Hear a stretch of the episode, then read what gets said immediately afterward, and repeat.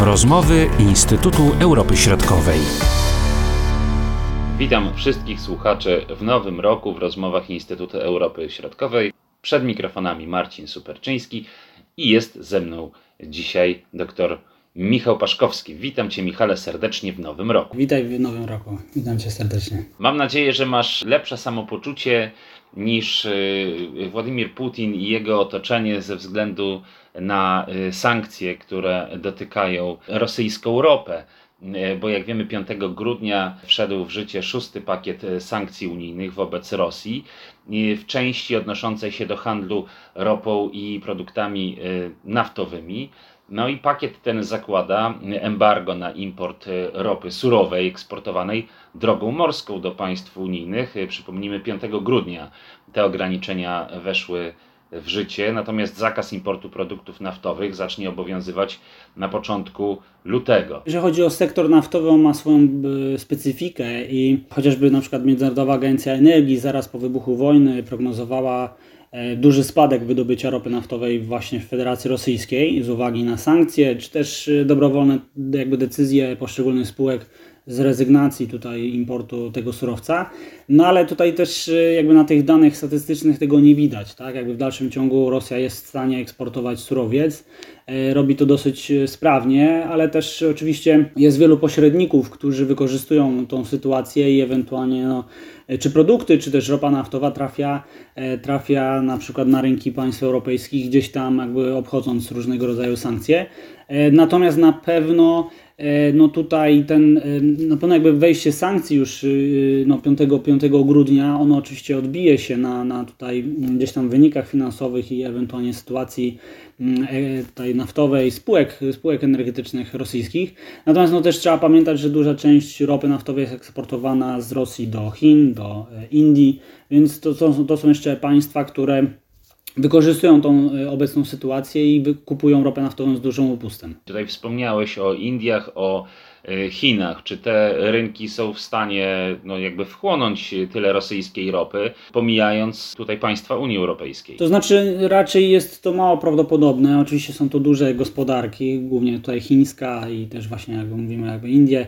E, są to, jest, jest tam sporo rafinerii, które, e, które importują porównywane gatunki ropy naftowej. To też trzeba powiedzieć, że Ropa Urals jest mocno porównywalna gatunkowo pod względem zawartości siarki, ale też e, gęstości do ropy naftowej z Bliskiego Wschodu, między Arabia Saudyjska, Irak, Iran, więc e, te państwa tak naprawdę w dużej mierze z uwagi też na bliskość geograficzną e, były naturalnym po prostu eksporterem ropy naftowej właśnie do Chin, do Indii. Natomiast no, biorąc pod uwagę jednak duży upust, który Rosjanie są w stanie tutaj zaoferować, no tej chwili właśnie te rafinerie przerzucają się na ropę rosyjską. Natomiast y, mm, jeżeli mówimy jakby tutaj o konkretnych jakby liczbach, czy to jest jakby, czy są w stanie jakby 100% zapewnić tutaj ten jakby ten import ropy naftowej, raczej nie, no bo to, to po prostu są zbyt jakby no 10 milionów baryłek niecałe jakby dziennie ropy naftowej eksportowane przez Federację Rosyjską, e, ale no tam też właśnie jakby są inni gracze, więc raczej nie ma, nie ma co oczekiwać, żeby te państwa jakby w całościowo jakby, z, z, jakby właśnie importowały surowiec z Federacji Rosyjskiej, no ale oczywiście jakby no trzeba trochę też poczekać, tak? Jakby 5 grudnia dopiero na takich danych statystycznych dopiero będzie coś wiadomo, powiedzmy jakieś pół, e, pół miesiąca, miesiąc, dwa, tak? Będzie widać pewne trendy, które się po prostu kształtują. E, no a też trzeba pamiętać, że mówię, no nie, nie, nie wszystkie e, jakby tutaj E, te rafinerie jakby, znaczy firmy rosyjskie też eksportują na przykład do Turcji ropę naftową, tak? I ona to też jest jakby jeden z, z ważniejszych ich kierunków właśnie jakby tutaj eksportowych, więc no jest kilka państw, które, które tą ropę naftową w dalszym ciągu kupują, no i pewnie gdzieś tam pomimo tych sankcji, wejścia w sankcji będą z niej korzystać. A jak państwa unijne będą sobie radzić z tymi ograniczeniami? No bo skądś ta ropa musi y, dopływać, prawda? No słyszymy, że niektóre rafinerie mają spore kłopoty, że tylko pracują powiedzmy na po, połowie swoich mocy przerobowych. W pierwszej kolejności na pewno jakby rafinerie starają się szukać 100% można powiedzieć, albo bardzo zbliżonych zamienników, czyli tak jak wspomniałem już, ewentualnie ropa naftowa z Bliskiego Wschodu. Natomiast no, też mogą, y, są też gatunki, jak chociażby Johann Sverdrup z Norwegii, który jest też porównywalny do, do ropy naftowej z Rosji, więc jest kilka gatunków, y, też tam niewielkie jakby ze, ze Stanów Zjednoczonych, więc faktycznie można powiedzieć, że jest to duży problem dla rafinerii mocno nastawionych na produkcję diesla. I to akurat no też trzeba powiedzieć, jakby jeżeli chodzi o rafinerie europejskie, bo na przykład rafinerie amerykańskie głównie były przez lata nastawione na produkcję benzyny. Natomiast faktycznie pojawiają się jakby tutaj zakłady, które gdzieś tam e, jakby mają jakieś e, jakby problemy, ale też trzeba pamiętać, że jesień, głównie akurat jesień, znaczy jest to okres przede wszystkim dużych prac remontowych, e, początek wiosny też jest to okres e, remontowy, więc też część tych rafinerii, które ewentualnie zgłaszają jakiś mniejszy przerób, może wynikać po prostu z prac gdzieś tam zaplanowanych, bądź też w mniejszym zakresie nieplanowanych prac remontowych. Natomiast biorąc pod uwagę też to, co robią chociażby państwa OPEC, tak, jakby zmniejszają wydobycie kolejny raz, czyli powodują, że tak naprawdę jakby tego, tego, tego dostępnego jakby surowca jest coraz, coraz mniej, ale też trzeba pamiętać, że tak naprawdę mamy w głównej, głównej mierze problem z produktem, bo jest mniej rafinerii, z uwagi też na pandemię, e, ten przerób jest trochę mniejszy, więc tak naprawdę te rafinerie, które funkcjonują, biorąc pod uwagę też bardzo wysokie marże, które są obecnie, jakby, no, widzimy na, na, na rynku, tak naprawdę maksymalizują swoją produkcję, więc jeżeli pojawiają się jakieś problemy, to wydaje mi się, że to są chwilowe, raczej wiele rafinerii przy tych wysokich marżach będzie starać się maksymalizować, poszukiwać właśnie zamienników. Jeżeli nie 100%, a przynajmniej porównywane właśnie z Bliskiego Wschodu, to będą gdzieś tworzyć jakieś y, mieszanki, tak, blendy tak zwane, które jakby pozwolą im w dalszym ciągu jakby tutaj funkcjonować. A jak to wszystko odbije się cenowo na tych cenach, które, za które my będziemy płacili, ponosić koszty? Trudno jakby oceniać, jakby jak może się bezpośrednio jakby kształtować cena. Oczywiście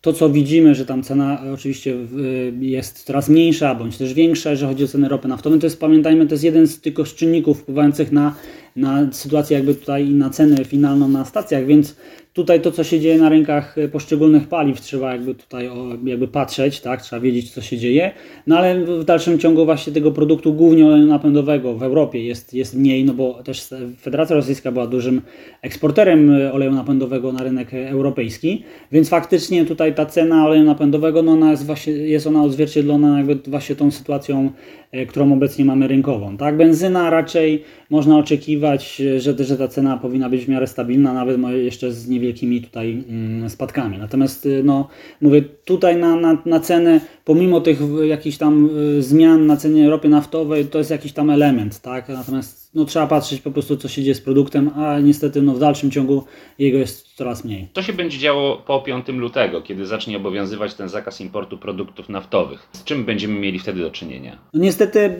jakby tak patrząc fundamentalnie na rynek, to niestety no, dla, dla naszych słuchaczy nie mam pozytywnych y, tutaj jakichś sygnałów. Raczej, raczej bym powiedział, że sytuacja może być y, jeszcze gorsza. Dlaczego? Dlatego, że jeżeli w tej chwili ta cena się utrzymuje na dosyć wysokim poziomie, to jakby nie patrząc, no te, te, te ceny, które są obserwowane, tam 6 bodajże 50 tak za benzynę na stacjach paliw w Polsce i gdzieś w ogóle za 7 chyba 60 za olej napędowy, ona już jest odzwierciedlona jakby w obecnej sytuacji rynkowej. Natomiast jeszcze wprowadzenie dalszych tutaj E, sankcji może gdzieś tam się jeszcze odbić właśnie na tą, na tą cenę. Natomiast oczywiście też trzeba pamiętać, że no tak jak e, wspominaliśmy na początku, Federacja Rosyjska jest w stanie eksportować ropę naftową, która jest o wiele trudniejsza do, do eksportu, e, bo też trzeba pamiętać, znaczy w kontekście sprzedaży, bo, bo jednak bardzo jest łatwo po prostu wykazać e, jakościowo, co to jest za gatunek ropy naftowej. Natomiast benzyna czy olej napędowy, no to są standardy powiedzmy gdzieś tam europejskie, jeżeli one są właśnie produkowane w takich e, dosyć zaawansowanych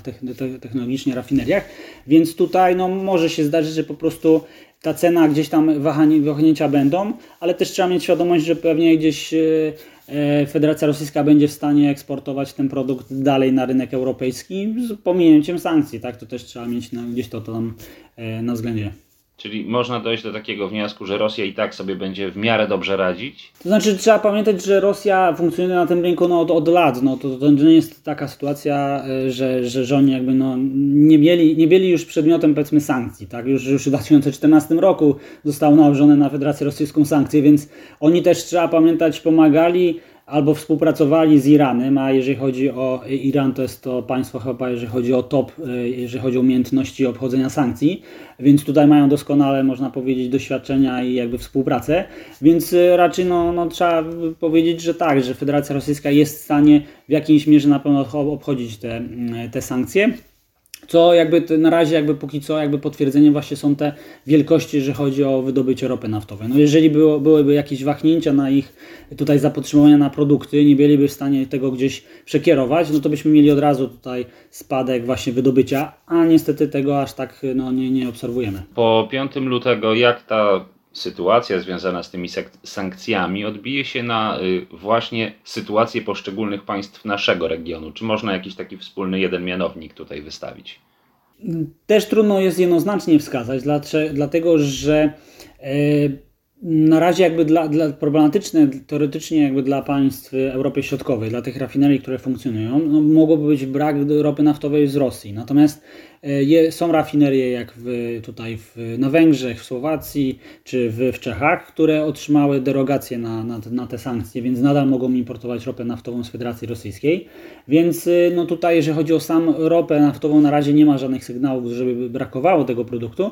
Natomiast też, e, no, też trzeba pamiętać, że część tych państw importuje produkty, tak, no bo nie są w stanie, chociażby mieliśmy przykład Węgier, tak, ale to akurat jeszcze dodatkowo polityka wewnętrzna mocno zaważyła na tym.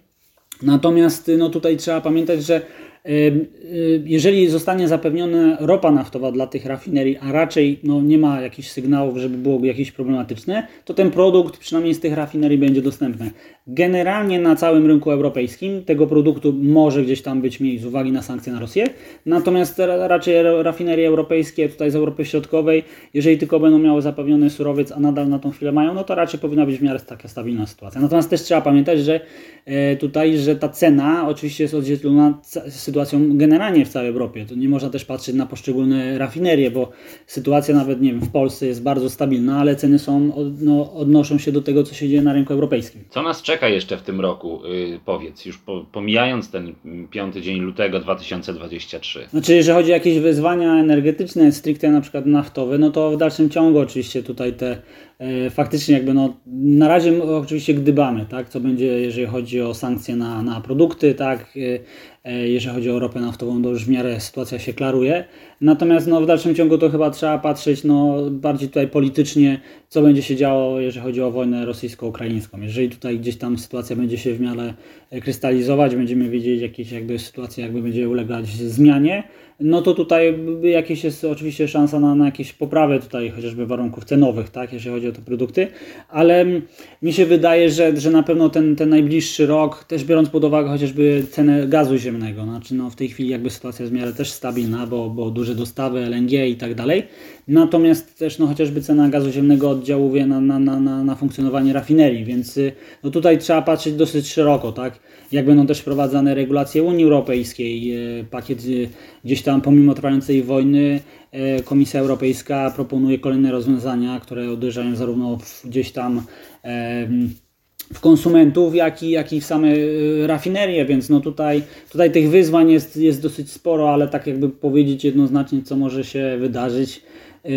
Na pewno, na pewno już mieliśmy wojnę, tak, jakby w 2022 wybuch wojny, więc jest wiele takich Pamiętam, no, zajmuję się rynkiem chociażby naftowym od wielu, wielu lat. Wiele jest takich czynników, które w przeszłości byśmy się nie spodziewali, wydarzeń, które byśmy nie spodziewali, żeby, żeby do nich doszło.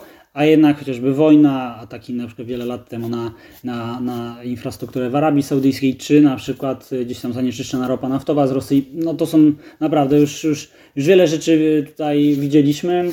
Pytanie, co będzie dalej właśnie, no, raczej jest otwarte. No to czekamy na te odpowiedzi. Bardzo dziękuję, Michale. Dziękuję również. Do usłyszenia, do zobaczenia. Dziękuję. Były to rozmowy Instytutu Europy Środkowej.